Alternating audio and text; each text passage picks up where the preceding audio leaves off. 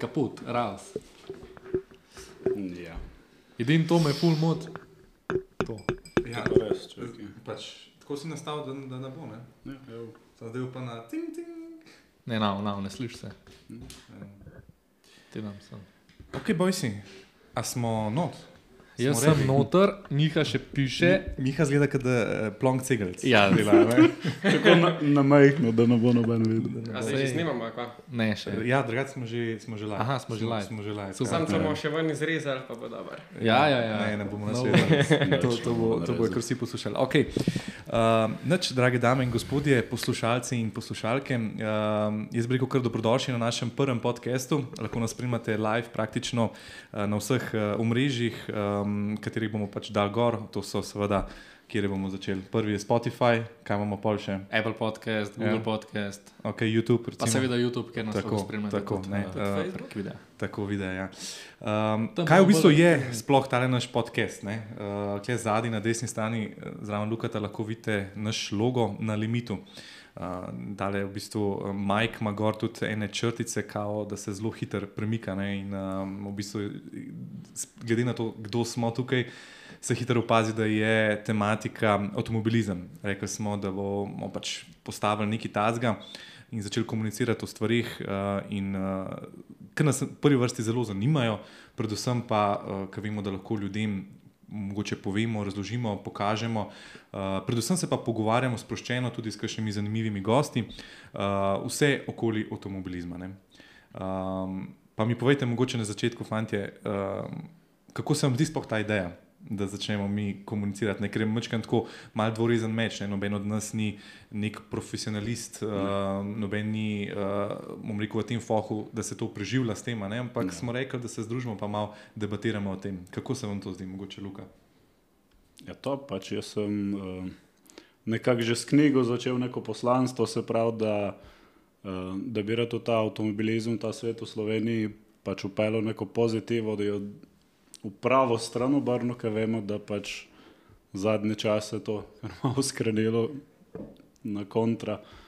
Um, rad bi predstavil mogoče pravilen pristop k track-dajem, pač stvari, ki jih jaz poznam, mogoče tudi izkušnje, ki je povedal, ker sem že marsikaj dal čez.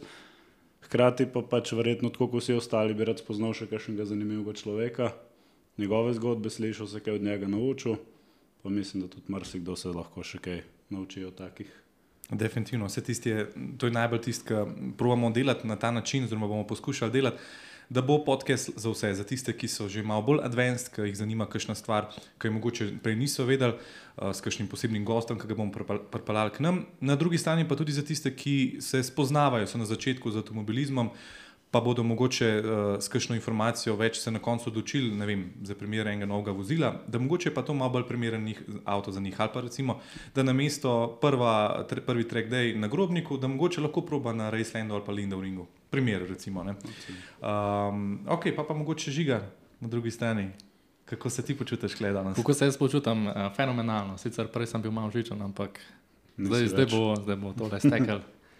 Dej se malo predstav.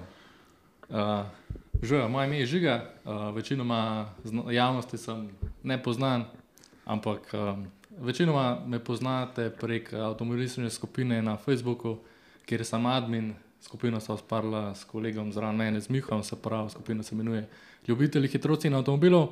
Tam sem mogoče malo bolj aktiven v smeri uh, pisanja člankov, pa v bistvu nasploh, kar se tiče avtomobilizma. Um, tako smo se tudi povezali. Um, na, en- na, mislim, lahko rečemo, da je naš isti interes, a ne avtomobilizem.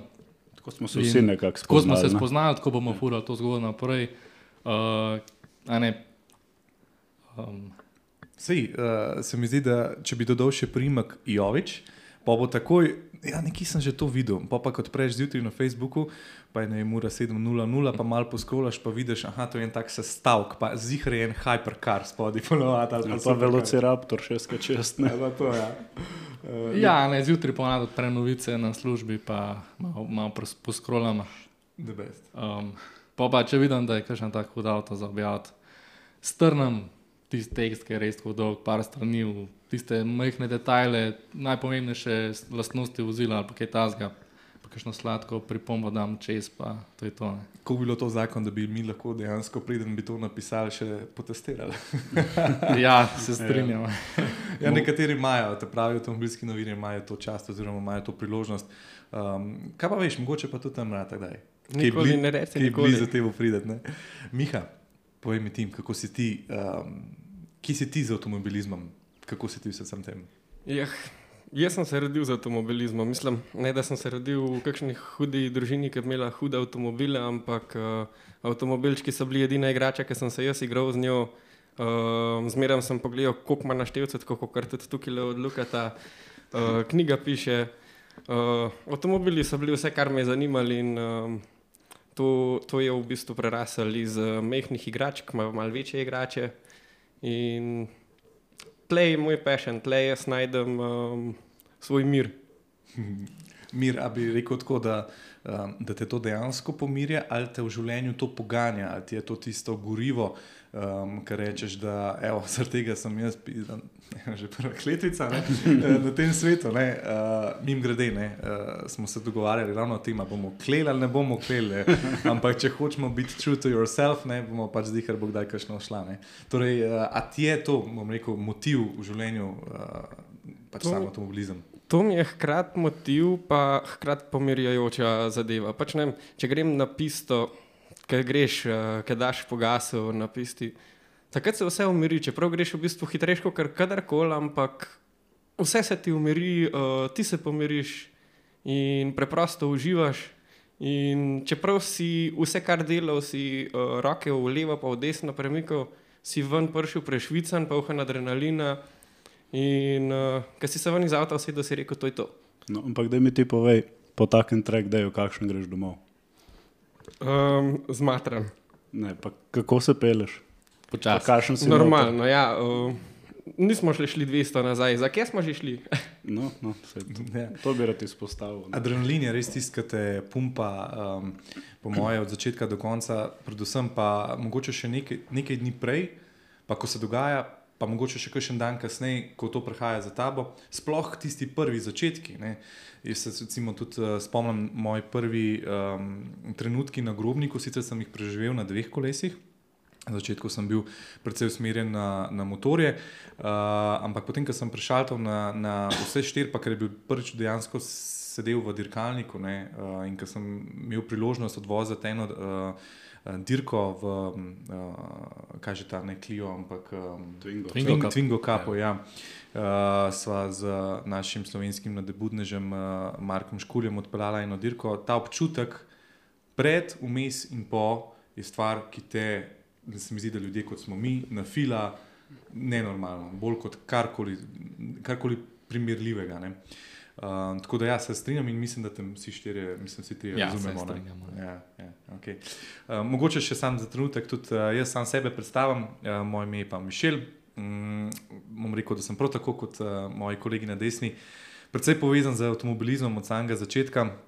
Mm, tako kot sem že na začetku omenil, oziroma malo prej, uh, na začetku sem bil bolj usmerjen k dvema kolesoma, sem začel z samimi skiroji.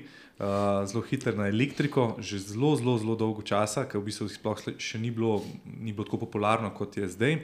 Um, pa sem potem prešal to na kosilenco, še zmerski ro, ampak da je bila praktično 50 kubov, uh, una, uh, ja, 49 kubov na, na roke za potegniti, ne kosilenca. Uh, full fine zadeva, uh, pa potem razne midi, motori in take podobne stvari. Pa pa, ker smo se enkrat spoznali, uh, kaj to pomeni voziti um, avto na štirih kolesih, uh, ne po dveh, uh, je bilo pa seveda spet čist neka druga dimenzija. Uh, jaz mislim, da smo ljudje smo ali pa nismo. Zelo težko bi si predstavljal, da nekdo pri svojih 35, 40, pa bi prosil za kontramnenje, da bi svoje pri 35, 40 ali kasneje letih ugotovil, ošit, jaz sem pa zdaj 20 let zamudil življenja, avtomobilizma, ker sem zdaj ugotovil, fakt, to je pa noro, to je pa. Zdaj pa hočem samo še za to živeti. Ne vem, kaj je vaše mnenje? Mislite, da, da pridejo taki ljudje uh, s takim mindsetom, kar naenkrat, ali misliš, da je imel vsaj prej nek apetit, ki je bil mlajši, pa se je vem, najprej v biznis full vrgu, pa je do zaslužil, pa ima zdaj priložnost, da pele vem, na, uh, v Carigradu uh, Porsche, ali kako mislite, da bi to šlo? Ja, mislim, da neka saj osnova je mogla zmeri biti. Je bila, pač. Ampak ja, lahko da je bilo, ali ni bilo financ, ali ni bilo časa, ali pa mogoče družina, pač mm. dosti hitro, ali ne vem, kakorkoli. Ampak še zmeraj ga je moglo nekaj zanimati. Mogoče si pa zato kupil, ne vem, namestno prostorca enega športnega karavana ali pa ne vem. Mm, mm. Najboljš, kar je lahko v tistem času imel. Ne. Jaz bi pa vseeno rekel, da ljudje se spremenjajo in verjetno se najde kakšen, ki mogoče se niti ni, ni, ni sebe tako poznal, da bi vedel, o čem res uživa. In ki je recimo sprobo dirkanje, ki je občutil ta adrenalin, da se je pa najdel. Ali pa mogoče v nečem drugem. Sem pa maj ta isti človek, če bi pri 20-ih sprobal, bi bil isti. Ne, in to, to, to pravim, da neki v tebi mora biti že skozi. Hmm. Je pa res, da lahko pač pozno to ugotoviš, če prej nisi dal temu priložnosti. Parmenti opcije ni bilo jaz. ja. Kaj pa žiga, kaj ti misliš, a je zdaj lažje se zaljubiti v avtomobilizem ali je bilo pred 20-30 leti lažje? Meni se zdi, da zdaj. Mislim, ja. če gledamo, um, kako se mladi navdušujejo nad avtomobilizmom, ne, zdaj, sploh v eri družabnih omrežij, TikTok, Instagram, ne, tam pač greš na mit, posnamaš avto, se zaljubiš v, mislim, v, strast dobiš, ne do, do avtomobilizma. Ne rečem tudi, da ne vem, pa 40-ih zakopa ne, mislim, mogoče imaš pa krizo srednjih let. Ali pa si, ali pa si prej dol, kot je Luka rekel, mogoče prioritete kam drugam, ne vem, družina, hiša, karkoli drugega, ne, pa finančno nisi bil sposoben. Pa pa prije ena priložnost, ne vem, imaš kolega, ki ima dober avto, pa se vsedeš na gov super avto, pa ti da mogoče ga celo zavoziti. Pa vidiš, da je to nekaj, kar prej si zamujal, ne tistih 20 let, kot si rekel. In um, zakaj pa ne? ne? Gremo, gremo eno kratko tekmovanje narediti. Uh, ugotovili bomo zdaj, kdo je bil najmlajši uh, izmed nas, ki je prvič sedel za volan in sam samostojno zapeljal 100-200 metrov, kako koli. Jaz mislim, da je zmagovalec Miha, to je moje predvidevanje, nekaj sem že slišal, ampak da je moj po vrsti Miha začel. Ja, jaz sigurno nisem. Ja, zdaj v naročju sem bil že po ne dveh letih ali pa treh. Vala, uh, samostojno. Samostojno sem pa pel, a traktor vela? Ne, avto. Avto po 12 letih. 12 letih. Mogoče še celo prej, ampak tam nekje. Ne, jaz pa, jaz sem pa para ker sem začel delati izpit za avto, šele takrat sem se usedel v avto, ker prej ja, ne moj ati bil policaj. Šans, šans, da. Oh. Mislim, ni bil policaj, kriminalisti, ampak. Aha, ja. ok, ok. Ja, se pač prava šola, sem imaš kaj. Ja, to je prav, ok, 18, kaj pa ti? Jaz pa po mojem ni 16. 16. Imaš kjer je bil? Katrca. Katrca, hudo, hudo. Uh, jaz sem bil pa 14. Tako da se mi zdi, da boš ti zmagal, ker sem si videl, da si bil 12. Je... Me veseli, da sem zmagal nekje.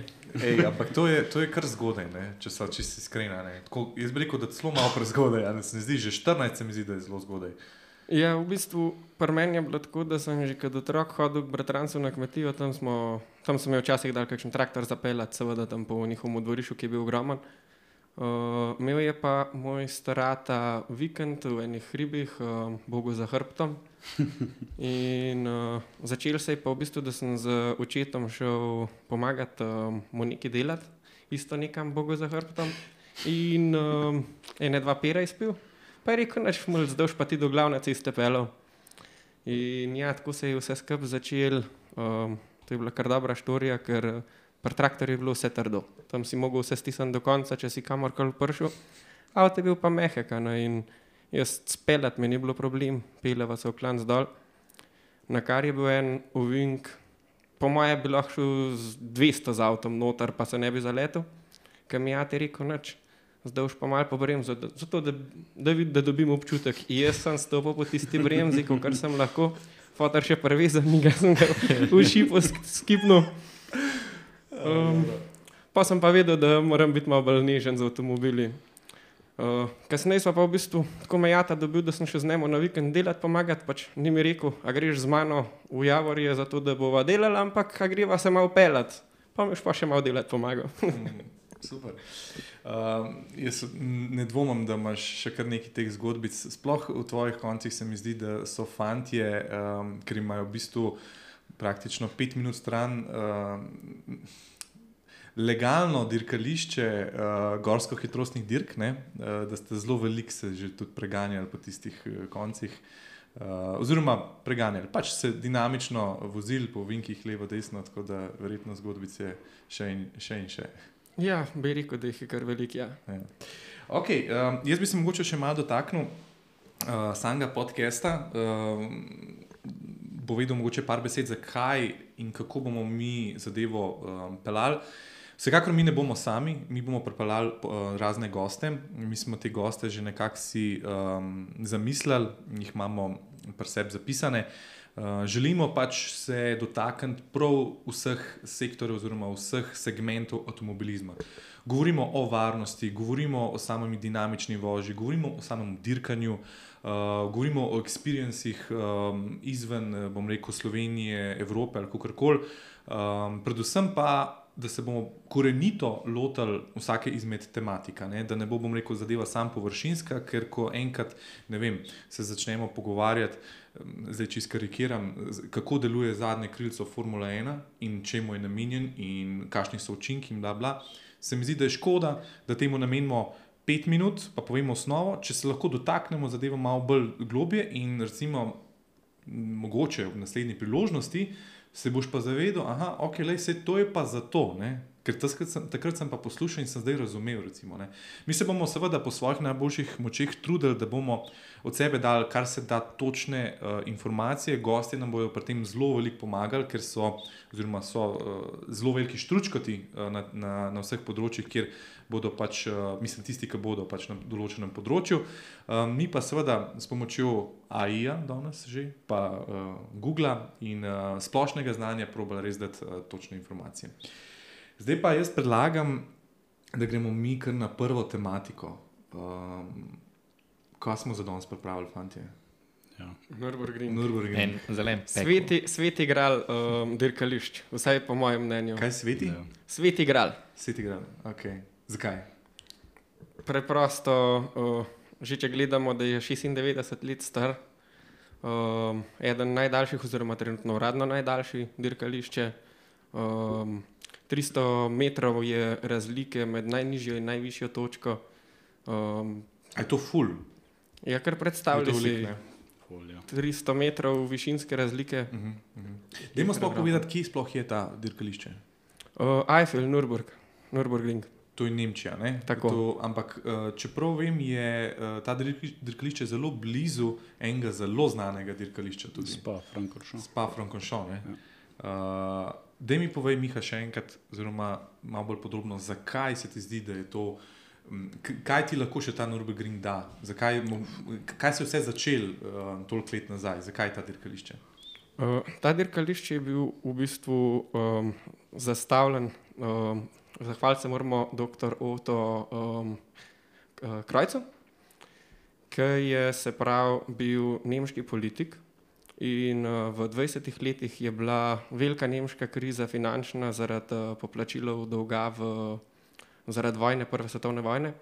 In on je tukaj videl priložnost, da se Nemčija, nemško gospodarstvo um, izbo, izboljša. Um, prvič pokaže svetu, da znajo še kaj drugega, drugič vedo, je, da imajo Nemci velik avtomobilski inženiring in se lahko tako brandirajo, plus uh, turistična lokacija oziroma uh, turistično zna biti zanimiv, uh, ampak ja, mogla biti pa res orang steza. In leta 1925 so jo začeli delati, 25 tisoč delavcev jo je delali dve leti. To je To je kar, se mi zdi, kar, ne glede na to, da je pač to res projekt, je to kar dolga doba, pa zelo veliko ljudi. Ja, moraš vedeti, da, da to je sto let nazaj. Uh, takrat ja. ni bilo takih uh, strojev. Pa, pa so takrat tudi delali um, tribune za gledalce. Ne, to, ne, ne, takrat. To ne, ne. Bolj zgleda kot ena asfaltna cesta na podeželju. Ampak je bilo pa zanimivo, da se pravi 27, ki je bila prva dirka tam organizirana, je bilo že več kot 80 tisoč gledalcev. Uh. -huh. Nisem jih kdaj rekel, prva dirka. Ja, 1927. 27. Uh, to, pa, to bo Rudolf, v bistvu let, to bo zdaj sto let. Ja. Rudolf Karakiola je bil prvi ringmajster, samo rekel. On je bil prvi zmagovalec uh, dirke na Nürburgringu. Bil je pa na začetku dolg 28 km, se pravi daljši, kot je zdaj. Kako je pa zdaj dolg? Zdaj je dolg, zdaj, če gledamo samo Nordschleife, uh, je 20 km 830 metrov. Uh -huh. In se je v bistvu, če prav razumem, se kaj spremenil skozi čas? Uh, ja, se je spremenil. Se pravi, na začetku v bistvu je bil zgrajen iz treh delov. En je bil Nordschleife, tisti je bil dolg 22 km, pol je bil uh, Südschleife, uh, ki je bil dolg nekje 7,5 km, pa je bil pa še Zielschleife, ta je pa v bistvu povezal oba dela. In na začetku so dirkali vseh 28 km, na kar so videli, da je fizično prehuda. In zato so pol dal Nordschleife za avtomobilske dirke, ta Südschleife je bil pa za motoristične dirke. Ampak, veš, kaj me zanima, zelo mi je, ker nis, že nisem bil gor, ne, vi, vi ste že bili. Um, a je tako zelo zaprto, se mi zdi, oziroma ni izletnih con. In če že zdaj, ki se mi zavedamo nevarnosti um, dirkanja. Ogromno enih uh, načinov je, kako uh, obvestiti človeka za tabo z rumenimi zastavami in podobno, ne, da je nesreča ali karkoli. Ne. Kako je moglo biti to sto let nazaj nevarno? Ne? To, a ni to zanimivo? Ne? Predvsem pa tudi uh, sami avtomobili ne, so bili izjemno ne, bolj nevarni kot zdaj. Ne? To je letel takrat, to so bili norci. No, še veliko večji, kot smo mi zdaj. Pa tudi skoki so bili, ne? že to vemo, ko je bilo na, zdaj nedolgo nazaj tudi v tem filmu, um, ko smo ga šli skupaj gledati, pravi Gran ja. Turismo. Uh, že ta jump, kjer je njega prezdvignil, se pravi tega, kaj je že bil Jan uh mhm. -huh. Mardenburg uh, z Nissan GTR-om, že ta skok je od takrat do zdaj so ga zgradili. Sprav, uh mhm. -huh. Vse te nevarne dele, to pač oni stezo v jeseni zaprejo in spomladi odprejo, ker tam je pač dejansko kot um, nemško kočevje, se pravi, tako tak višji predel. ja, Dobesedno tako je, pač zelo gozdnato uh mhm. -huh. podeželje, malo na višji um, nadmorski višini, se pravi, ima tudi malo hladnejše vreme, več snega, tako da pač po zimi ni šanse praktično, da bi imeli odprto in oni to izkoristijo za izboljšave pa za, pač, za vse adaptacije, kar, kar jih je. No. In oni to zmeri poskrbijo za dodatno varnost. Vsako leto se veliko zgodi, preplastijo kak nevaren del, eh, zmanjšajo kak skok.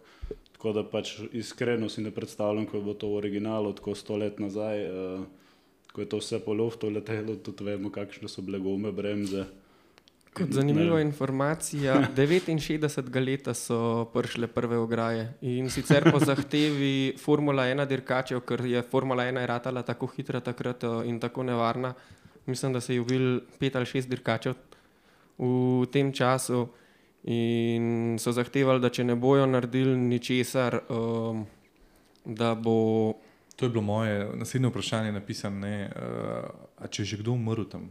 A imamo kakšno informacijo? Ja, ja, ja. letos, letos ne, je zdaj za Gudir. Letos smo mi izgubili dva sodelavca, mislim, sta testirala um, na naš life, um, naše nove pneumatike ja. in sta žal preminula. Da, ja, tudi še zdaj se dogaja nesreče. Ja. Ne. Ampak verjetno je tendenca vsem, da je bolj varen, kot je bil sto let nazaj. Oziroma, To že, ampak še vse ne navarno. Ja, logično. Ja, z razlogom je poimenovan Green Hell. Green ja. Hell, ja. Ja, ja. Jackie Stewart je to rekel leta 68. Uh, Miha, omenil si formulo že. Torej, je tudi Formula 1 dirkala na, no, na noč live? Uh, leta 51 so začeli, Alberto Ascari je bil prvi. Aha, 51. In dirkali so vse do leta 76, ker uh -huh. se je pa razbil neki lauda, če se spomniš, tisto gnjen uh -huh. crash. Uh -huh. Uh -huh. Seveda. Uh, takrat so pa pač pogruntali, da je pista prenavarna in od takrat naprej ni več Formule 1. Uh, od takrat je največji Nürburgring event, um, 24. ur Nürburgringa, ki se je začel pa leta 70. Mhm.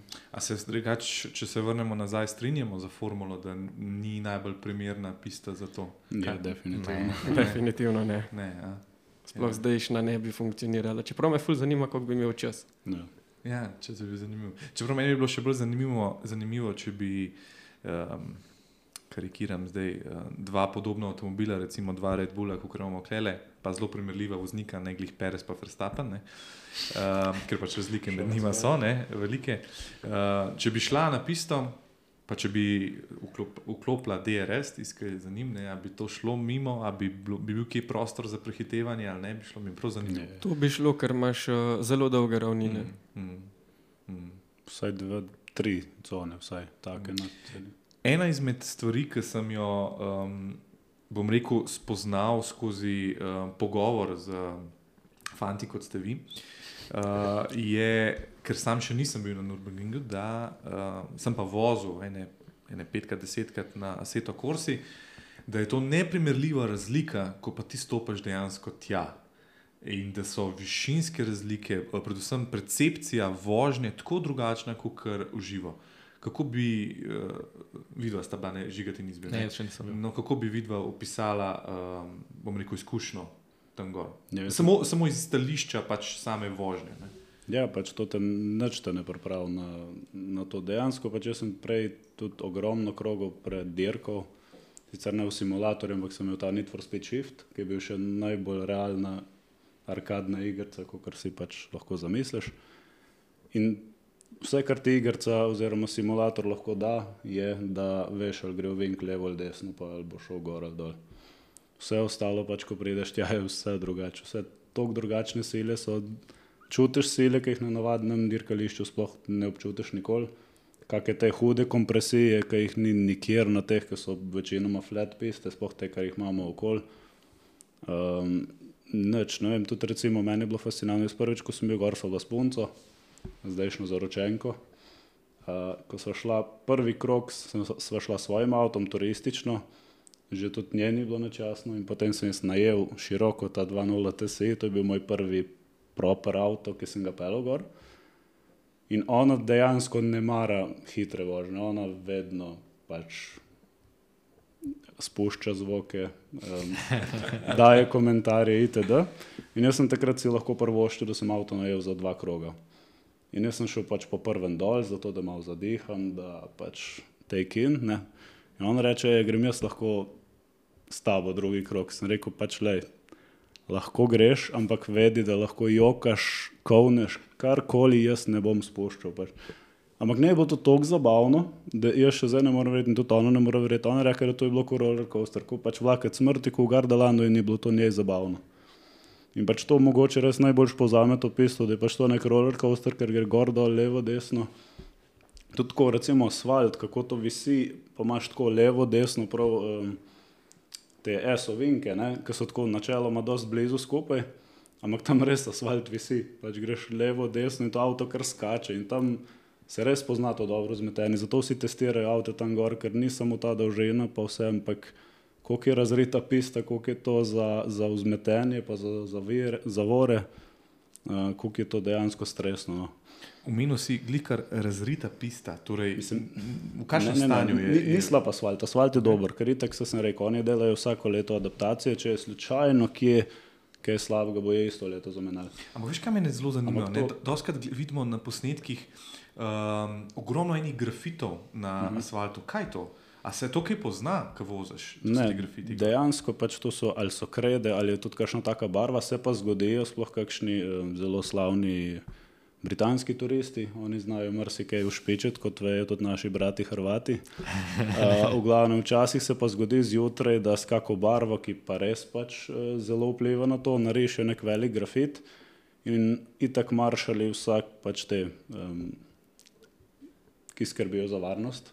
Na progi vsako jutro predn ali pa popovdne, preden se pista odpre, oni naredijo en testni krog in vidijo, kaj je drugače. In če je prišlo do tacga incidenta, da je pač nekdo nekaj narisal, ki ne bi smel, za barvo, ki ne bi smel, sploh ne odprejo piste in dokler se to ne spuca, ne spustijo enega avta gor. Ampak, a kaj vemo, slučajno, kaj ljudje pišejo na teh pistah, uh, ker res, res veliko je teh eh, šotov, kako je to porisano. Vse. In se jaz mir sprašujem, čakaj, a ima zdaj ful slabši grip zaradi tega ali ali kaj se dogaja zdaj, zakaj je to prišlo. Pa kdaj sploh pride človek, da to napiše? To mi je ful zanimivo. To lahko greš, Ja. kdaj po noč, kaj? Greš Ja, pač pisto? recimo pista se popovdne ob, de- ob sedmih recimo zapre Ja. in tako recimo tam onem Brunhen ovink, ki je slavni YouTube corner, tam imaš dejansko izhod na pisto in tam se folk po zimi sanka dol, ker je pač tak hrib po onem dol. Pač A to. In tako imaš tudi track walke, pač lahko greš tudi kolesart gor, pač to sploh ni, komod prideš gor. No? Okay. Miha, kakšna je bila pa tvoja izkušnja? Uh, nora pač, to je kot da si v nebesih. Uh, čeprav še nisem imel te sreče, da bi dejansko vozil, bil sem savoznik, uh, ker smo šli v bistvu v petek ob polnoči, smo štartali, v ponedeljek smo bili že doma. uh, je bilo čisto na jolo.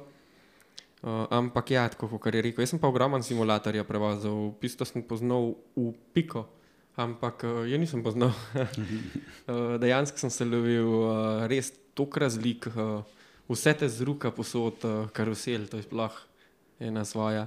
Uh, A to je ta del, ki greš tako. Ja. Karusel se imenuje. Karusel se Aha, imenuje. ja. Um, ampak izkušnja pa taka, da je ne bom pozabil, ko me čakam, da grem nazaj. Res, Ja. to je uh, tudi na splošno, uh, vibe je drugačen, avtomobilov vidiš. Je kot uh, v GTA San Andreasu, ki si ukradel en dober avto, pa so se pa sam dobri še vozili. Uh, to je tako, uh, ljudje si pomagajo med sabo. Tam, uh, res je tako, no, spoštovanje, vsak avto je zanimiv. Um, ni tako, kot pri nas, ki vidiš golfa, pa si rečeš, o, Še en golf. ja, še en golf. Ne, Tam je v bistvu bolj še en Porsche. Ja, ne, se glih to sem hotel reči. Pri nas vidiš, recimo, vse vidiš Porsche, se jih ni tako malo spet. Ampak vidiš mogoče enega na dan ali pa dva, tam prideš gor in jih je tako 30 parkiranih v vrst, vseh modelov, kar si zamisliš. Um, ne vem, pač to, je, to je čist druga klasa avto. No, Se mi zdi, ne, da m, iz stališča eh, financ, ne, če se sam malenkost dotaknemo tega, ne, se mogoče pa vseeno vidi ena velika prepreka oz- oziroma razpoka med Nemčijo in Slovenijo. Ne. Um, bom rekel, kul- okay, moramo upoštevati, da število prebivalcev v Nemčiji ni primerljivo više kot v Sloveniji, ne, ampak um, petrolheadi, ki so v Sloveniji, um, količinsko, oziroma odstotkovno gledano, se mi zdi, da je večje število nas, ki bomo rekel, si prvoščimo bolj ljudski avto in ga mogoče malo predelamo, tako rečemo, ne, uh, malo naredimo na zmetenih bremzah. Uh, pa gremo potem na piste, na piste, ki so nam dosegljive in nam blizu. ne. Um, Medtem, ko pač Nemci, ne, ok, treba vedeti, je pač Porsche kot Porsche, takže nemški ne, in uh, je pač ta pravi avto uh, za, za tako progo, ne, ampak tak, sam level, ne, sicer verjetno prihajajo iz vseh koncev Evrope na, na to dirkališče. Ne. Je dosti dobro pozicionirano, pač Belgija Ja, je blizu, ja. pač komplet Benelux in Velika Britanija, oni imajo par ur do dol, Mhm, dejansko manj kot mi. Ampak je ta stvar res, kar sem slišal, torej, da je v bistvu to sploh ni dirkališče, ampak je cesta. Ja. To je v bistvu avtocesta, samo brez omejitev. Lihtko moraš pelati uh, po pravilih, se pravi, uh, prehitevaš lahko zgolj po levem pasu. Uh, če vidiš hitrejšega, se mu umakneš, mu nakažeš, da se boš umaknil. Sam, ok, rekel si po levem pasu, sem sedaj nimaš uh, pasove. Po levi strani. Ne, nimaš. Sam po levi strani. Po levi strani, ja, tako. Ja, ja, ja tako je. Okay. Ja, zanimivo, ker uh, se kar vpraša človek, zakaj. Ne? A povezuje ta pista, oziroma bi ta pista lahko, oziroma ta cesta povezala kakšno, kakšno dva kraja, ali zakaj je to kot registriran kot cesta? Okay, vemo. Po mojem je to pač striktno neka papirologija. Uh -huh. pač to je registrirano kot enosmerna cesta, plačljiva cesta, uh -huh. brez omejitev. Pač to je neka ona definicija. Zdaj nisem Zato čist- res stvaren. ne. Nisem čist stoprocenten, ampak kar sem um, jaz seznanjen, je bilo to tudi zaradi tega, da so lahko uradne testinge gor delali. Aha, za Um, cest. za cestni Aha, avto. okej.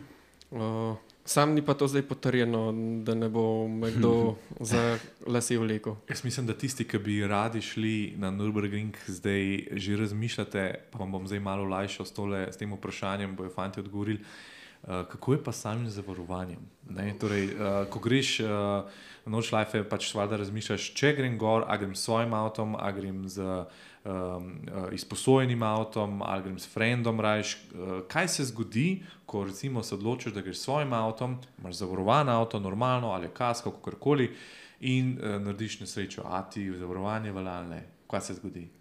To je drugače zelo dobro vprašanje, pa mislim, da je sicer bo to malo kontroverzno, ampak je zelo odvisno od tega, kakšnega odvetnika najameš. Tako da dejansko, če, če gremo striktno po predpisih, je to še zmeraj javna enosmerna cesta, ki jo ti plačaš brez omejitev. Se pravi, po tem členu ja in tudi poznam ljudi, ki so dejansko dosegli, da si mi škoda priznala. Zdaj, recimo Nemci, oni imajo pa dejansko že klauzule dali v vsa zavarovanja noter, da pač je to ekskludit iz polic. In tudi renta, kar recimo včasih so ljudje delali, da so pač preleteli v Frankfurt na letališče, je tam nek uh, herc najel, nec ga Peugeota, recimo neki, in ga šel gont na Nürburgring in je pripeljal nazaj brez bremz, brez gum, brez vsega.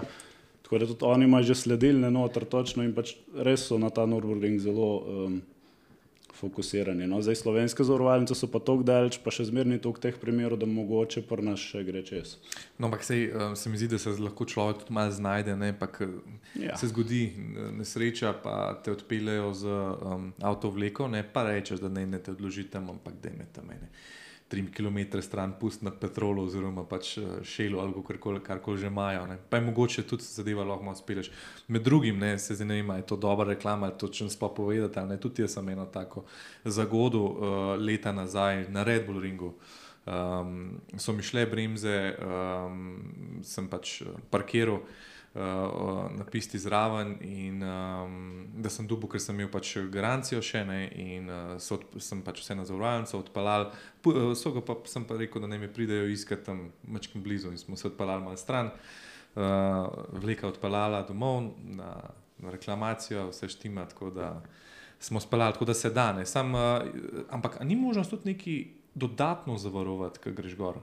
Možno je, mislim, da Triglo ponuja. Ne bom zdaj pač trdil, da je samo Triglo, pa izključno, pa da tudi oni to ponujajo, ampak obstaja zavarovanje za pisto, se pravi, ki krije vse. Uh -huh. Samo to je, mislim, da 300% premija. Se pravi, praktično kot renta, kar nekje je tudi tam 300%. Ne? Sej, zelo podoben je pa tudi, če ti želiš zavarovati, uh, ko si ti na renti. Ne? Uh, ne vem, verjetno je nek all-inclusive, uh, ne vem, če ne se vemo, uh, ograje so zelo drage. ne. Ja. Um, verjetno se tudi da zavarovanje nekako dodatno Ja, zaplača, pa ne. Pač dejansko oni ponujajo dodatno zavarovanje. V osnovi, ko ti pač plačaš na 200 evrov za en krok, ni nič noter, ampak imaš specificiran damage excess, se pravi maksimalna vsota, ki jo boš ti plačal, če narediš totalko Mhm. na avtu. Tukaj so ograje excluded, seveda to pač plačaš na Urboringu posebej. Imajo pa dodatno zavarovanje, ki ti pa dejansko samo ta damage excess znižajo, ponovadi prepolovijo.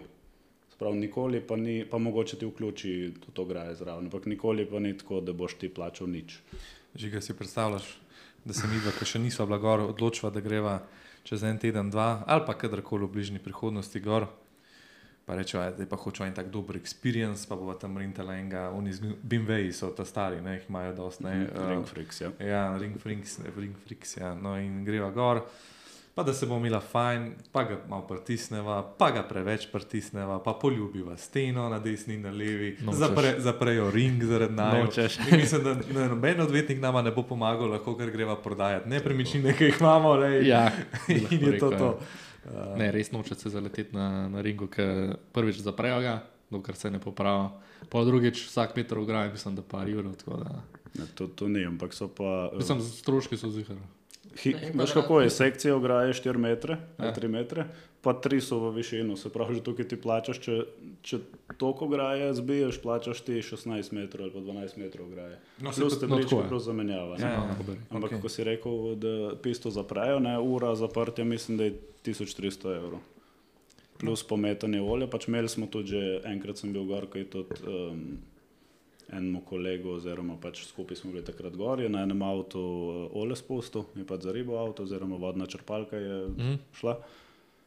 Se pravi, avto je samo ustavil, vse, kar je naredil, je, da je olje vrgel po progi. In pač pisto so zaprli, ker logično to je nevarno za vse, ki se pelejo.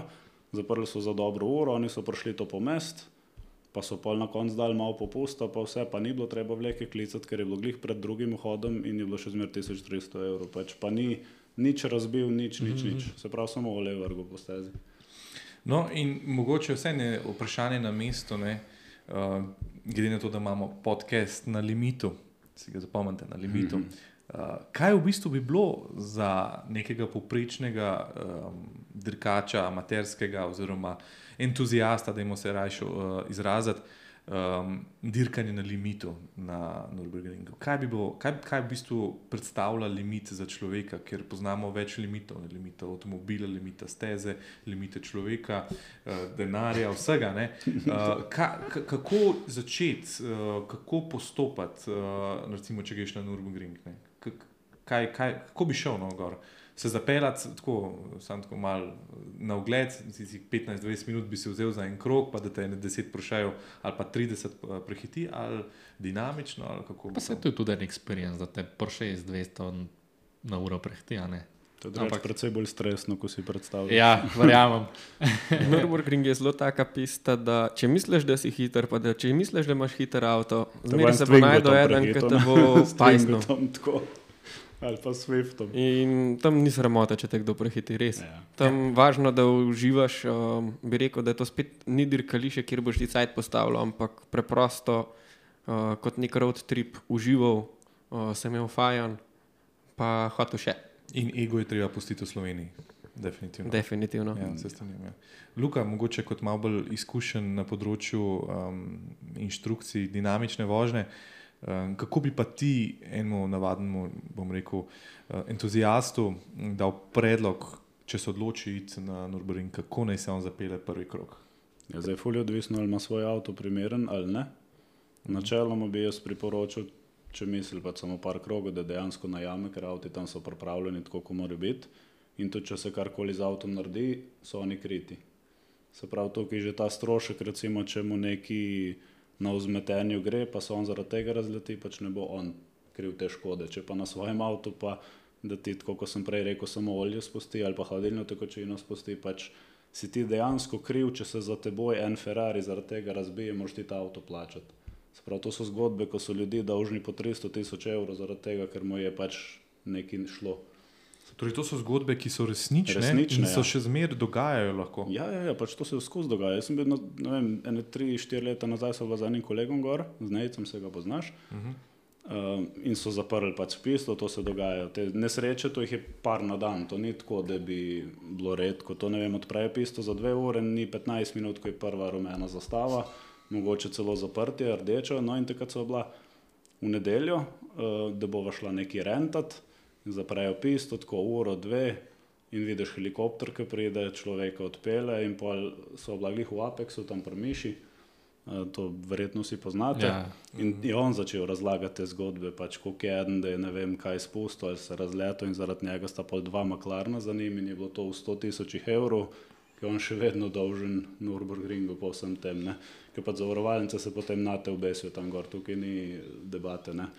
Zato je pač tukaj mogoče, da ti najameš avto, vsaj ta element daš stran, da bo tvoj avto neki kriv. Pač, mm. Če ga nisi ti dobro pripravil, ker osnova so pa pač dobre bremze, dobre gume, pamet v glavo, pa res bi priporočil vsaj za prvi krok, da je nekdo zraven, ki pozna. Ali pa mogoče, da če si že dosti krogov odpeljal v simulatorju, to je dejansko ful dobra stvar, da saj veš, ali gre levo ali gre desno. Ker je dosti takih ovinkov, tudi ki vemo, ki ne pač pride prevoj in ti ne vidiš fizično, kam gre ovink, ti moraš vedeti, kam gre ovink. In če greš ti takrat na glavo, pač imaš pol sekunde časa, da reagiraš in to je to. Ne? Se pravi, če ti pa nekdo pove, hej, počas, pa ne vem, dosti, sem prej omenil te kompresije, če ti v napačnem trenutku bremzo pritisneš, te bo obrnilo in to so glih take, take sekcije, ki so hitrosti tako hitro na 200 km/h. Ne? Pa je, je neka meja, magična. Uh, če govorimo o časih na Nürburgringu, ka- kakšna je meja, ki rečeš, u, če pa to voziš pod tom, tem časom, si pa že kar hiter. Kjer, kjer bi rekel? A za da je? BTG, mislim, se pravi za turiste, tako Ja, govoriš, ne ja, za turiste. 9 minut je že kar dobro pravijo. Že 9 minut. Ja. Jaz sem sicer slišal še nižji. Koliko? Ja, pod 8. A to je pa Sam to kar- moraš imeti pa res prema na avto. Pa, Ja, Ja. pa, pravim, da če, če pa prazno voziš- pisto. No. Ker Ja. Če tam prehtevaš ene twingote ali pa zgubiš čas. Sej, kako pa dejansko je, ko si gor? A misliš, da ti dejansko redko, redko rata imeti čist krok? Ja, če že pač tam imaš dejansko tako redno, je po 300 avto gor naenkrat. 300 na enem dnevu, Ja, ja. ampak ne naenkrat. Ne. Naenkrat. Naenkrat. Ja, ja. 300 Nas avtov je-. Še več, nas je še več. prehitel več kot 60 avtov. Ja, ja. Kva? Pač to so, mima, za gor so tri rampe že v boksih, potem je pa še opcija, če si že v krogu, da greš še en krog naravno, so še dve rampe. Uh -huh. Sproti lahko pet avtov naenkrat spuščaš gor in to je kolona, gre čez cel boks nazaj v tisto rondo in v obeh iz vseh teh, se pravi iz onega parkinga in iz vseh dovodnih cest, je kolona, tako kilometrska. Se pravi, to avto, kar gre, lahko fizično gor, tukaj gre. Dejansko je v bistvu, če zdaj, tako malo poslušam, experience na Nürburgringu je dejansko boljš doživeti okay, na ta način, uh, da vidiš, kako je, ampak če bi šel pa čas postavljati, bi šel pa odigraš na track day. Ne? Tako, Ja, seveda, definitivno. Se pravi, tukaj greš uživati, ne dirkati. Ali pa če si zjutraj pač prvi na rampi, to se tudi dosti prakticira. Pač to Vendar je verjetno tudi že zjutraj ča, v, ra- eh, zelo velika vrsta. Ja, samo ne toliko. Res, toliko. pač jaz, jaz sem imel to srečo na zadnje, ko sem bil gor, da sem doživel svoj perfect lap. Sem bil samo ring taxi in jaz sem bil naslednji. Uh, še en X-Bow je bil zraven, ampak sem ga prehitil, se pravi KTM. Uh, prehitil meni nobeden cel krog in to je bil moj perfect lap. Eden meni in jaz sem bil po tistem krogu tako zadovoljen z vsem, da nisem več gledal na štoprco, na čas, ne če sem sem še užival. Ampak pazi, ne, kaj je Luka rekel. X-Bow, ne, on ga je Ja. prehitel. In to zibi za kopro. Predstavljaš to? A ni to Ja. sramota, a? če bi bil na drugi strani, ne prišel slovenske, le zibico, pa me kršisnu. Ja, Pa uh, ni na sramota. pisti ja, na Nürburgringu ne. Tako, tako, tako. Ja, ja. Pač tam, tam je to kot odvisno od človeka. Tam je že dejansko nekaj avto, nekaj je pol skill, pa je pa ono, koliko si upaš. Koliko imaš jajca? Ja. Tako se sem hotel reči, pa sem se izogibal. Ampak eh, dejansko, no, moraš si upati, pa še zmeraj moraš imeti malo lufta, da, da se ne zgodi tisto, kar smo se prej pogovarjali. Mislim, ja, ker eh, če pogledamo um, na YouTubu, ne, je posnetkov Milijon. malo more in ne, da, ne, ne samo, da, da, da jih je. Nastajajo, če ti napišeš uh, Crashes Compilation 2023, imaš ti že par tena, par dva, par tri, par tri Ja. in, in nastajajo Se nove. pravi, nove. vsak dan. Vsak dan. Pa- Neverjetno, ne. Mi smo bili, se pravi, dva kroga smo naredili, v teh dveh krogih je bilo pet rumenih zastav. Tako. Ampak tudi te, te rumene zastave so bile dejansko uh, pred vami in ste se mogli zmanjšati. Ja. Aha, Ja, ja, ja. Uh, zmanjšali smo, uh, že to moram bolj pohvaliti. Takoj si videl rumeno zastavo, takoj uh, zelo dobro mu je označen. A Zdaj je od, ana- analogno ali tudi digitalno? Oboje je zdaj. oboje je zdaj.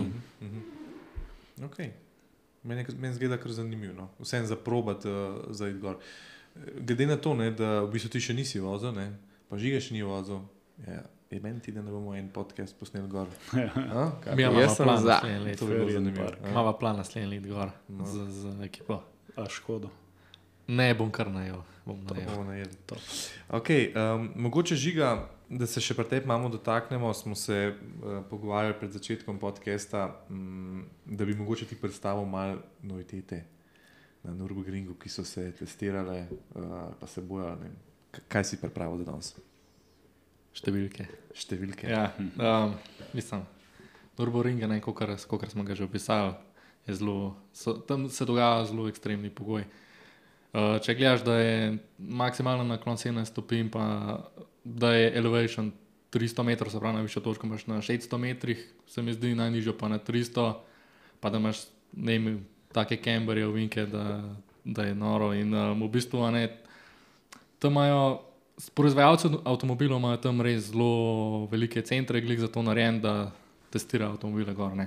Ne vem, Porsche, VAG, Grupa, Hyundai, Nissan, pač you name it. Večinoma avtomobili, ki imajo pač športne programe. In uh, vsak let, se pravi, imaš um, industry pool, se mu reče, se pravi, bazen, industrijski bazen, od, ki traja od marca do aprila, se pravi 16 tednov imaš, imajo proizvajalci, da testirajo svoj, uh, svoje avto gor. Um, testirajo pa pač vse, od Brains, podvozja, pač fine nastavitve avtomobilov, kako se obnaša avto. Če ti pa Nürburgring bo pokazal, kako se obnaša avto, pa, pa tudi ne vem. In glik danes sem bral en članek, um, ki so pa Hyundai rekli, da en kilometr Nürburgringa je ekvivalenten 20 km take neke normalne ceste. Ne? In oni naredijo približno 480 krogov na mokrem in suhem, in so zračunali, da to približno prije okoli 180 tisoč km, ekvivalentno. Ne? In um, to so kar. A se ti zdi, podatki. mislim, na, na podlagi česa misliš, da je prišel ta izračun? Ker to se meni zdi, ok, 480 krogov si rekel. Ali, ali 480 km.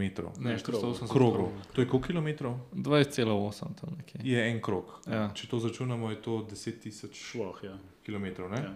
Šloh. In to 10 tisoč km na Nürburgringu ne bi bilo to ekvivalent 180 tisoč eh, po navadni cesti. Tako nekako. Ja. Ja. Drugače se mi zdi kar um, fascinantna številka, fascinanten razpon deja, dejansko.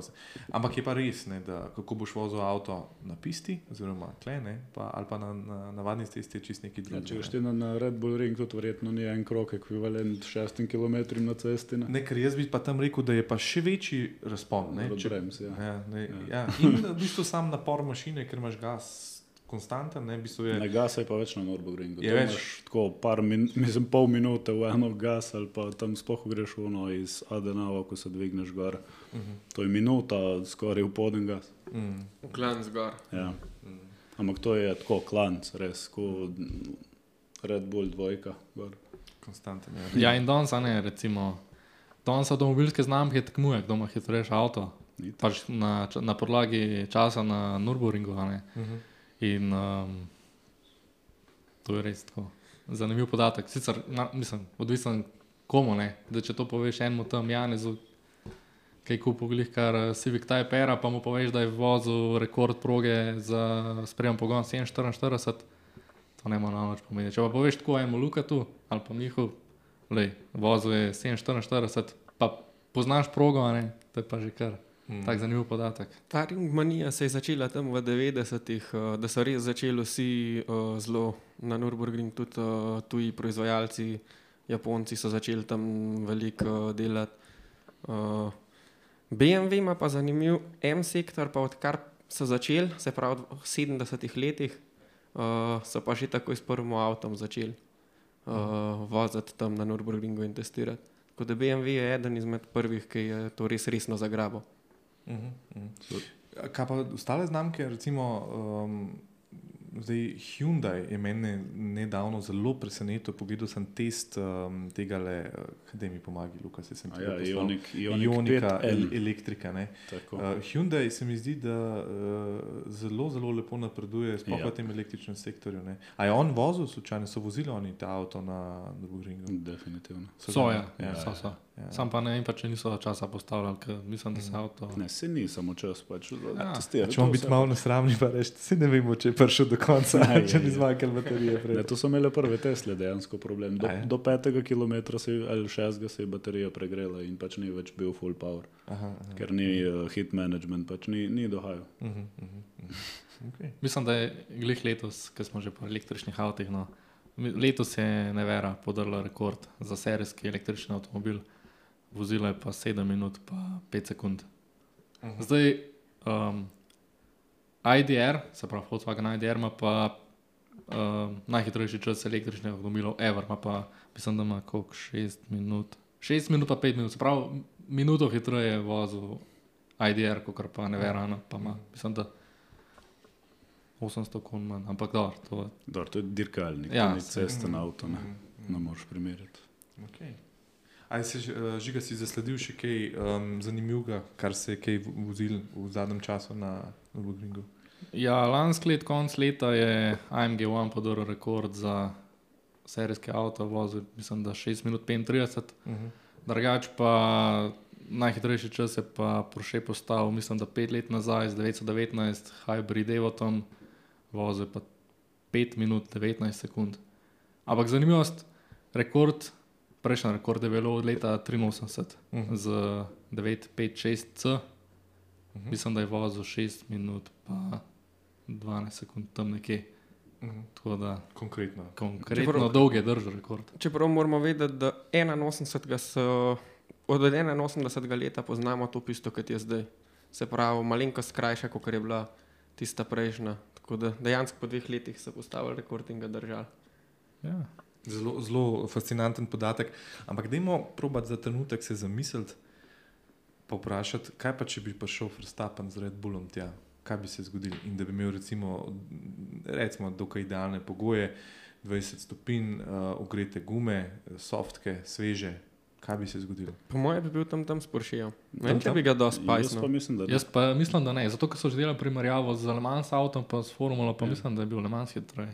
Ne, problem po mojem je sposodobne formule, je glih ta elektronka zraven, ki pomaga. Pač tam je tako dolg krok, da ne vem. Čeprav se v bistvu, ko zavrem, zaš dobiš nazaj. A ti misliš, ele, Jaz uh, mislim, da elektriko, ki so predolge, Hibrid? predolge ravnine, da bi Ja. ja. dejansko ta, skozi ta elektrika filala. Ker že recimo pri AMG One, uh -huh. ki ima F1, ta um, dejansko F1 pogonski sklop. Uh -huh. Če si gledal ta onboard uh, lep rekord, ko si rekel 635 za serijske avte, eh, ko so te najhitrejši od, eh, odseki Nürburgringa, on tako nabira nerealno hitrost do 320 in pa mu elektrike zmanjka in je tam in tam ostane. Ne gre uh -huh. niti kilometra več naprej. Uh -huh. In se mi zdi, pač uni, ta LMP1 avto, pač ta Porsche, to je šlo na do 360, je bil takole.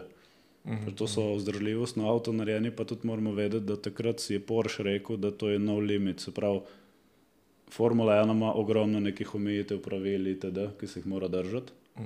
Takrat so šli pa oni off limits, takrat so oni navili to do kraja, do amen. Pač ni bilo to po nobenih pravilih, ni bil tisti avto. To je bilo, oni so pokazali, kaj se da. In zato jaz mislim, da formula moderna nima šanse. No. Mogoče res je. Ampak dole, ko smo jih pri Formuli, pa pri Mercedesu, Mišel, to bo tebe zanimalo. A veš, odkje prihaja ime Silver Arrows? Ne, ne vem. Iz Nürburgringa. Na Nürburgringu so dobili ta ime. In sicer uh, 34 leta, takrat na FIO, oziroma takratni organizator dirke, je imel uh, 750 kg omejitev, Mercedes je prišel pa s 751 kg, uh, belo obarvan. In takratni direktor Mercedesa je rekel, in so drgnili tisto barvo dol, in so dobili tisto eno kilo. Uh, in zmagali tisto dirko, pol zaradi tega, ker so prišli v območje omejitve.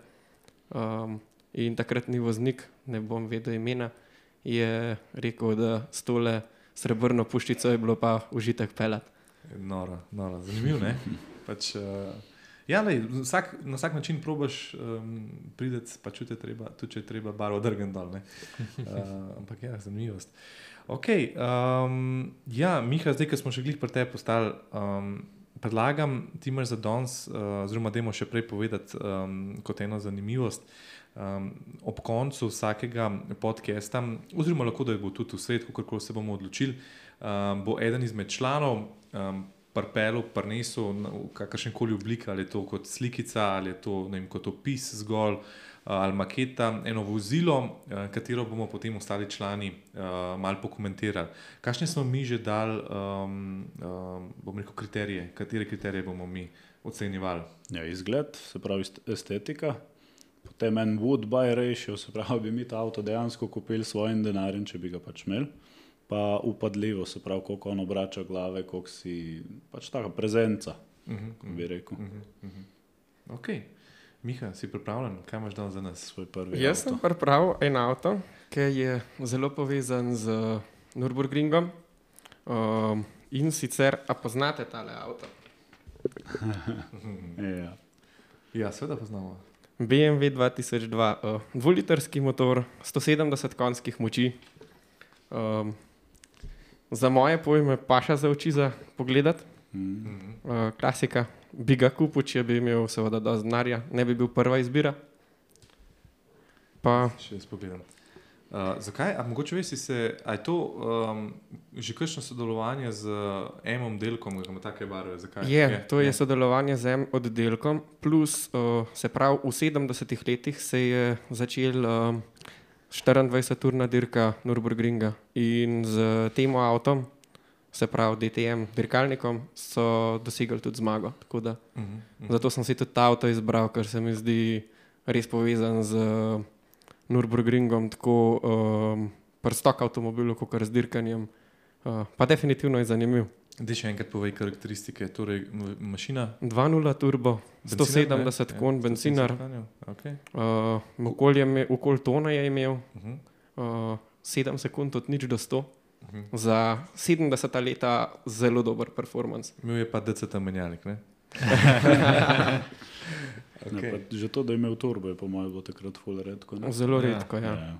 Si sploh ne znam predstavljati, uh, kako je bilo občutiti to moč, ta turbo v tistih časih. To je mogel biti uh, turbolek zelo velik, ampak Mm. občutki pa po moje kar zanimivi.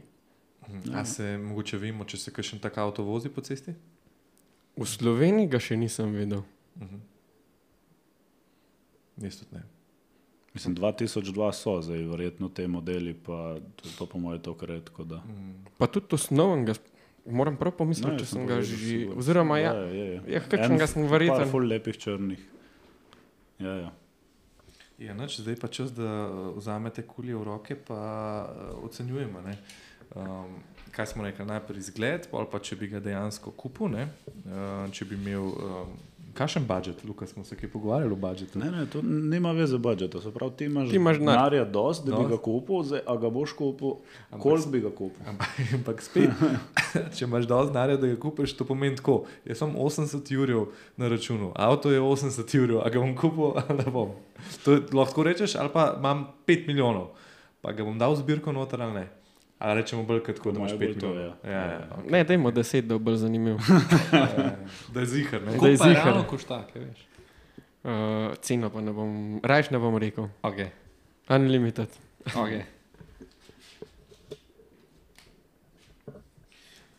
Okay. Jaz sem že končal. Tako da, um, a Miha, ti boš tudi ocenjeval? a? Ja, tudi ja. Okay. In pa bomo dali nek suma sumarum, na koncu bomo začeli. Dajmo, ja. Ja. Okay, uh, je pa pa kar ti začni, ne, kar si ga ti predstavljal. ja. Jaz sem mu dal oceno za izgled 8,6. A bi ga kupil 7 od 10, oziroma ja. Um, Ko bi pa obrnil glavo, sem mu dal pa 8, ker definitivno bi se uh, ozrl za njemu. Uh -huh. Ok, žiga. Jaz sem tudi dal izgled sedem. Pa tudi Woodbuy sem dal uh, sedem, definitivno. Verjetno bi ga imel v svoje zbirke, no, ker zgleda kar kolektor. Mislim, zgleda tak avto, ki bi ga lahko imel v svoje zbirke, čeprav nisem glih BMW, Farar, ampak ok. Uprljivost, to bi se pa strinjal. Mislim, definitivno bi obračal glave na slovenskih cestah, tako da sem mu dal kar eno lepo osemko. Okay. Moram reči, da smo mi tri zelo blisti, už pa zelo daleč. Daleč, ja. Zelo. Ja, jaz sem dal isto eno sedem, kot to, ko ima do sto. ne. To, ko sem mu jaz dal, uh, ker se mi zdi hud, ampak pač tudi kaj mogoče lepšega obstaja. Uh, Woodbuy sem mu dal iz pet. To še spada, da, si, ja, da ga bi vzel. Okay. Ja, ampak mislim, meni so ti vintage BMW-ji full lepi. Ampak če bi že imel toliko denarja, bi raje kašnega 3.0 CSL-a vzel, po mojem. Uja. Tako. Zato je mogoče petka, upadljivo sem pa med 7 in 8 isto, ker se mi zdi, da če bi enega spedenega videl na CS, bi ga gledal od trenutka, ko bi ga vzel, pa ko bi zavil desno tam na semaforju. Se jaz bi se strinjal s tabo, uh, kar se tiče mene, ampak jaz sem pa za- zadevo ocenjeval bolj iz stališča vseh ljudi na svetu, ne sam uh, ljubiteljev avtomobilov. In uh, če smo bili zdaj pri tej tvoji zadnji točki, ne, koliko uh, se mi zdi, da bi imel pozornosti, sem dal eno zgolj tri. Um, mm. Ker se mi zdi, da pač um, bi ga večina ljudi, veliko, vsaj 80 odstotkov, zamenjala za nek pač star BMW, uh, ki so še kumi kaj pele. Uh, in bi šel pač mimo, ali pa še ima en star avspuh, gor, ki ima tri luknje noter, zato vse to gdere, verjeten. Tako predvidevam, da bi vsi gledali. Seveda pač pri nas je zadeva malo drugačna, ampak iz tega stališča sem dal tako slabo ceno. Um, če bi ga kupil, sem jaz dal blizu tebe, sem dal štirko, um, ravno iz podobnega vidika, ker pač sam, m, če bi že gledal vintage avtomobile, bi vzel kaj drugega. Uh, izgled pa tudi podoben, Luka sem dal pa šest, tudi ni glih, uh, bom rekel, za me največja lepotica ali lepotec. Uh, kaj je on, lepotica ali lepotec? 2002. Lepotec. Lepotec. Lepotec, ja. okay, ja. Um, Nač, da naslednjič bomo mi eh, tole izračunali, kakšen je odstotek. Mi Mislim, imam bomo, še eno vprašanje. Kako Kako mislite, da ima naštevce tale avto? Tako, po, vaši, po vašem občutku. a ti veš odgovor? Jaz vem odgovor. odgovor. Sem prečakiral, nisem vedel. Okay. Čakaj, 170 konjev pa tono. Je to ne? 260 bi mogel. E, ja, Ali pa- šov ni to. Šel ni, ne, Šov je po mojem Zig pa ima. 230, se ampak tudi kupra, 260 bi tudi pa res nima, lahko ne greš naštevce. 300, pa ima 300 naštevca. Okay. Ajde, 200, mi dva smo za 260. Ne, ne moreš reči isti rezultat. Ja, zakaj ne? Okay, prav, jaz 260, jaz sem rekel 206 eh, 280. Oh. 240. A. Top speed je bil pa 211 km na uro. Se pravi, tvoj Peugeot je hitrejši. Ja, seveda se je tudi uh, 40, 45 let mlajši. In to kon več ima. Uh, 208, sam tle moramo vedeti, moj je šestapanski menjalnik, uh, vse, vse je drugače. ne. Seveda, vse drugače. Bolj Težko sem se primerjamo. Takno bivšega tvojega lepotca. Ja, tudi Uh. ti si šel hitrejši. Je šel, pa ima isto 170, koliko Ja. je imel. Uh, 225 je imel top speeda. Verjetno sprobano, ne? Seveda. Nekje v Me- v Mehiki. V Mehiki. Ja.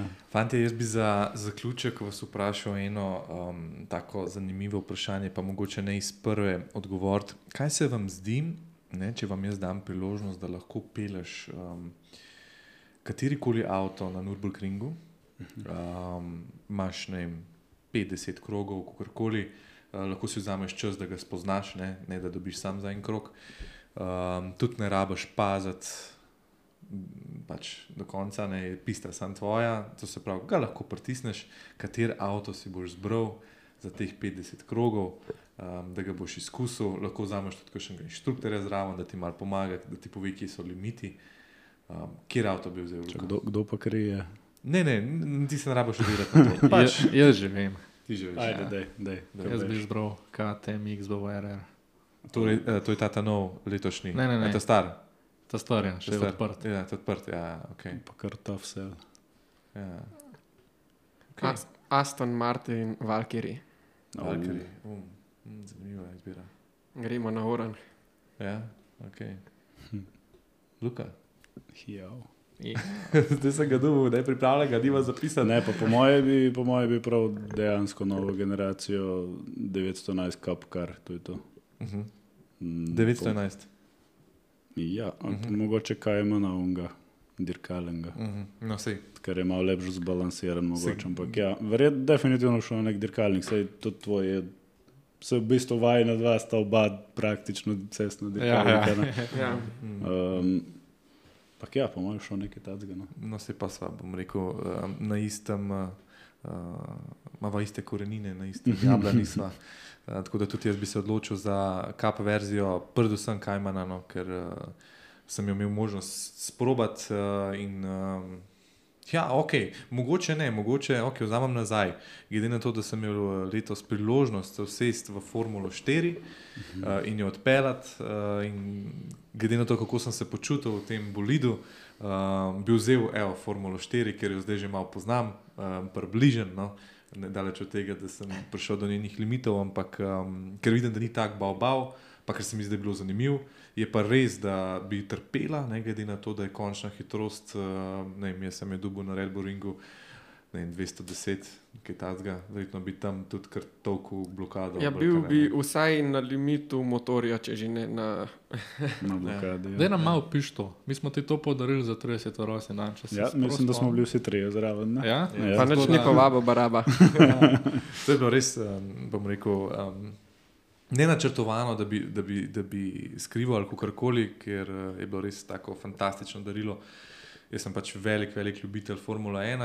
Um, moja sanska, bom rekel, sanski dan bi mi bil, da bi preživel v boksih in uh, uh, za bolidom, oziroma v bolidu tacga. Um, Toliko enih konjev in toliko enega downforce, toliko enega uh, G-Force, ne vem kaj še vse. In to se je meni uresničilo za moj 30. rojstni dan, ki je moja uh, žena, zdaj takratna, ali je bila zaročenka, ni bila. Ne? a Je bila, je bila, je je bila, bila, je bila takratna zaročenka. Verjetno je Ja. že bila. To bi pa Uh, mogli je organizirala, se ne poslušala. uh, takrat, na, uh, takrat je pač ona to organizirala. Um, in um, jaz sem dobil to darilo, da sem lahko na Red Bull Ringu vozil praktično po vrsti. Najprej um, Kajmana, uh, GTS, ne S, navaden S je bil, uh, pol KTM X-Bova, pa še potem Formula 4, ki je sicer imela, bila na dost starih hardih, plus uh, um, dejansko so naštimali avto tak, da je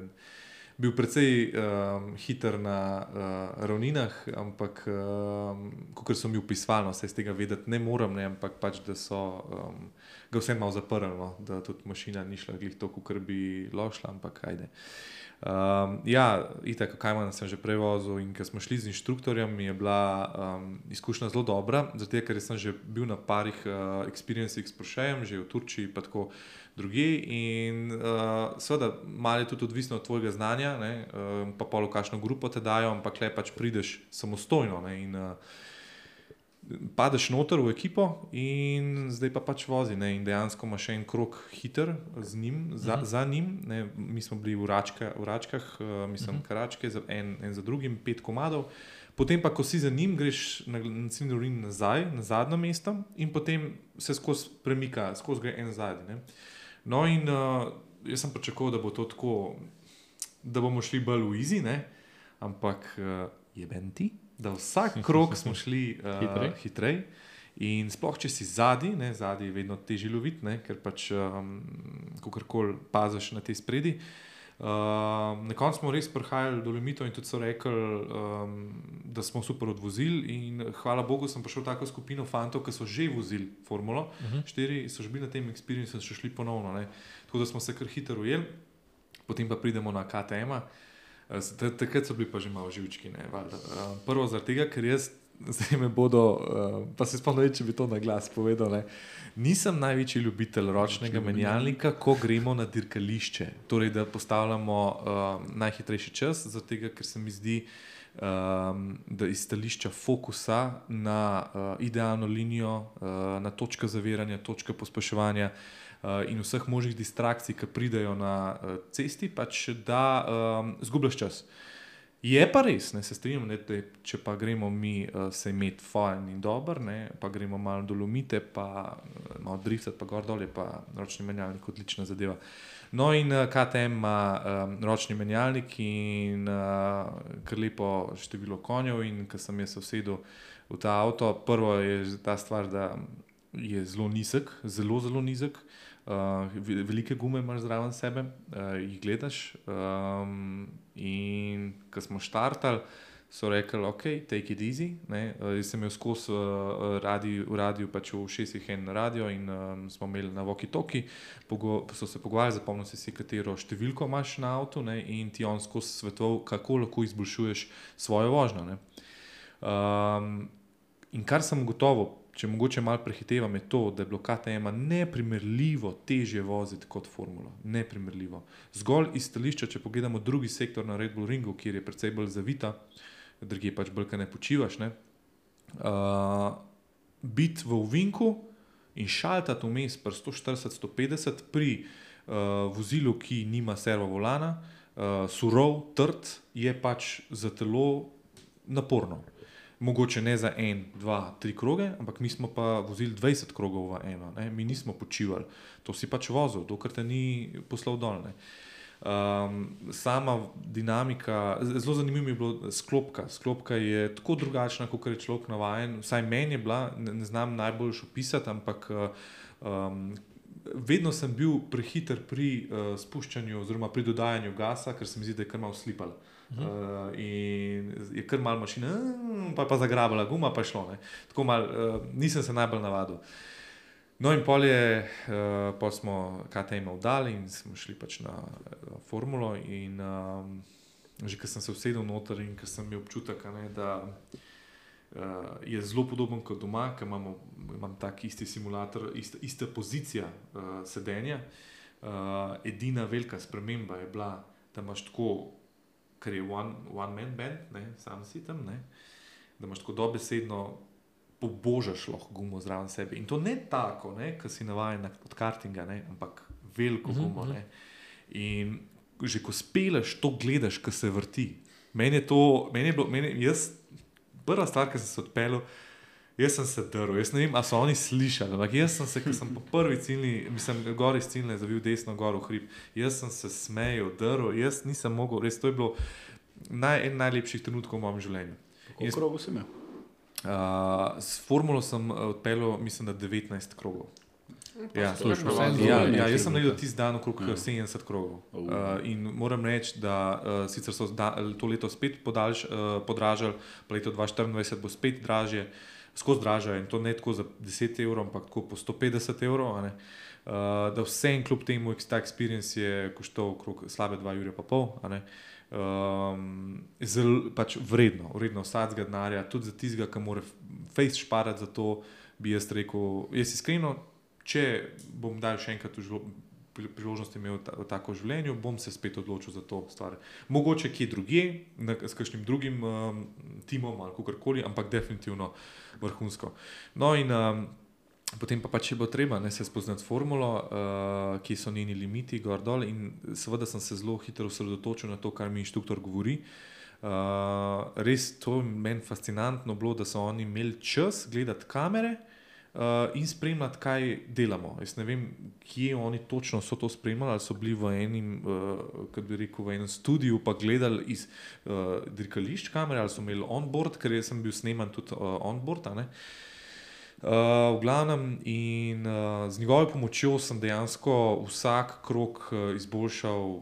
Bom rekel, na začetku je šlo to tako po dve sekundi dol, pa je šlo po sekundo dol, pa pa zadnje tri, štiri, pet krogov uh, je šlo pa sam še po, vem, po dve, tri desetinki dol, ne, maksimalno. Ne. Um, no in um, kar je seveda fascinantna zadeva, je definitivno to, ta, da um, Začel sem pri 140 metrih ali pa 130 metrih bremzati prvič, ko sem prišel na ciljni ravnini, oziroma uh, tudi turn 2, ne, uh, končal sem na 80. Ne. 80 metrov, uh, pa 206-207 km smel tam noter. Ne. Se moraš kar mentalno pripraviti, da, Ja, da ampak dejansko zaviraš tako pozno. in glih to je poanta, ker te on pripravi, take your time. Just when you're ready, just uh, break and that's it, whatever you want. Ne? In, in, uh, in jaz sem rekel, ok, le valjda, moš imeti tudi malo muda, pa it, ampak uh, meni je bilo fantastično, sploh ko si prišel v drugi sektor, ko pa prideš na test svojih telesnih sposobnosti. Uh, in G-Force, ki ga doživiš, ne bom rekel, da je to uh, wow, ker je neprimerljivo to s Formula 1, ampak um, ko smo mi gledali potem posnetek mojega onboarda, je bilo to tisto, me je najbolj um, ne zaskrbel, ampak mi je bilo tako, kako je to možen. Rekel mi je, super si odvozil, sploh za prvič, ampak drugi sektor vedi, da si celega, celega odvozil prepočasi, ker si mislil, da si na limitu v ovinku. Na drugi sektor je zavit. Jaz sem bil pripričan, da je to sposobnost vozila in da je to to, jaz držim, ne gremo v Vink noter, ne tretja predstava, tu imaš tukaj tudi shift pedle ne, in, in, uh, in da je to to. Ne. On je rekel, ne, ne, tam še ne 16 do 25 km na uro se šel, so posod prepočasno. Odkje, pa vemo, kako je to veliko, ne? pa, pa se čudimo, ne? kje sem jaz izgubil vse skupaj 6-7 sekund uh, od najhitrejših dirkačev. ne. Um, tako da, ja, experience je bil neverjeten, uh, hvala Bogu, sem vse to dobro tudi posnel, uh, da imam za spomin in vsakmu priporočam, da se daj loti tega in doživi. Če bi posnetek sem pogledal, pa je bil kar zanimiv za videti. Ja, Edini škoda je to, ne, da ko pogledaš on board moj, ne, uh, zgleda tako, kot da se jaz jajcam, kot da gremo se ne vem, zaletavati v let, uh, avtočke. Ja, A pa bi, če bi imel še enkrat, še isti dan šanso, a bi šel še 15 km na uro hitreje probat. Definitivno. Mislim, da nisi pravi, kar ga bi šel zdaj, ne? Bi šel zdaj. No, takoj. ampak, ampak, ja, definitivno. Ampak kar mi pa pove tudi dejstvo je to, da um, nisem uh, preizkušal čistih limitov, ker so se vsi fantje zavrteli, sam jaz se nisem. Kar je v bistvu malo graja. Ne? Ker če bi jaz rekel, ok, da jim res pušati, ne, bi pač enkrat pretiraval in bi se zavrtel. Jaz pa pač nisem, sem igral vse igro, ampak sem kljub temu postavil cajt dneva, uh, tako da sem bil vseeno zadovoljen. No, kakorkoli. Če sem imel 1,39, pa še drobiš, um, na, na pač stari hard, s tako dinamiko, kot je pač imel, najboljši dirkači pa vozijo okoli 1,31, to se pravi 8 sekund hitreje, postavljajo pole position. no, tako da- Ampak verjetno z novimi softi. Ja, pa eh, predvsem tweak. avto nastavljen in drugače. Plus, uh, le enostavno navoženost. Jaz mislim, da dejansko, če bi zadevo na treniral, bi prišel na lahko na neki 3 sekunde zaostanka, po mojem, bi to šlo. Pa, pa, pa se pa začne, pa se pa dirkači pokažejo, zakaj so dirkači in da pač mi, amateri, ne moramo priti blizu. a Ne. Ne. To je to, ne. Da mi sam še zaupaj, če bi lahko še enkrat izbiral pisto, ali bi spremenil pisto. Ja. Kera bi bila. Uh, zelo, zelo dobro vprašanje. Um, jaz mislim, da bi probal sledeče Imola, če bi se dal, zelo, Zelo to- lepa. Zelo mi je lepa cesta, cesta pista. Uh, potem pa Barcelona, to mi je tudi všeč, sploh sta novo prenovo, drugače pa daleč najljubša, ki jo pa tudi uh, obožujem v um, F1 23, uh, je pa Suzuka. Suzuka. Ja, meni so pač uh, prvi sektor, dinamičen sektor mi je zelo všeč. In, uh, tam, bi, tam bi zelo dobro treniral, kaj je sposobnost formule. ne. To so še te stare klasične piste, ki so za moje pojme dosti boljše kot te nove, ki jih zdaj delajo, ulične pa to. Um, To je bolj za atrakcijo, pa Mm. pač. tam si promocija, mogel pa ne. muda pokazati. Ja. Good, fantje. A imamo še kaj zapovedati, le smo že kar dolgi. Ja, Uh, imamo drugače. imamo še, Ja. kaj boš, Um. kaj boš še delil? S, s fanti smo se dogovorili, da bomo pri vsakem gostu naredili en tak. Uh, Challenge. Če- ja, ne? challenge. Izziv. in v bistvu tam le imamo že pripravljen simulator, in v bistvu vsak gost, ki bo prišel naš podcast, bo odvozil en krok na pisti, ki jo zdaj še ne vemo. In bomo imeli v bistvu tabelo najhitrejših, tako kot Top Gear včasih. ne. Top Gear včasih. Ne, Malo mal jih posnemamo, ampak uh, ni mislim, da nam ne bo noben zameril tega, ker je pač to res tako zanimiva atrakcija. Ta leaderboard bomo uh, postavili nekako vam tudi. Uh, Da bo vidno, tudi delili bomo na naših social medijih, uh, ampak ne bomo pa zaupali, uh, katera pista je, da se ne boste pre, slučajno preveč pripravili. Ne? A, A ga morate bomo na počakati. koncu tudi mi postavili. Bomo, itak. Itak. A gremo polagati, da bo prvi, jaz vem, da bom zadnji. Kdo pa prvi, pa ne vem. Ok, good. Nič. A je to to za prvič? Ja, hvala, ker ste kliknili, pa nas poslušali oziroma gledali. Um, A še una klasična fora, don't forget to subscribe. Pa tako pokazati nekam dol, a ne? Nekako tako je. če smo se vam zdeli fajn, se boste naročili. Um, če Mi lahko pa obljubimo, da bo še boljši. Ja, absolutno. absolutno. Ta prvi podcast je vedno un za prebrodati. Tako malo smo še zarostani. Ja, ja. Nismo še na limitu, bomo pa. Bomo, čas. bomo prišli do tega. Good, se vidimo. Čau. Čau, čau. Čau. Top. XD. Top, sem jaz bi imel to. Jaz mislim, da smo dobro oddelali. To sem imel še rezerve, da rečem, za to je preseb za pred, predstavitvijo. no. Drugače, Ne, ne smo smo drugače pozabili predstaviti. Pa Ja. nisem- Nisem hotel sploh reči, Kva to? kaj je bilo čudno. Ja, ko ste se Ja, ja, predstavili, Žiča ne, nismo nismo predstavili. Ajo. Dej, čakaj, dej zdaj.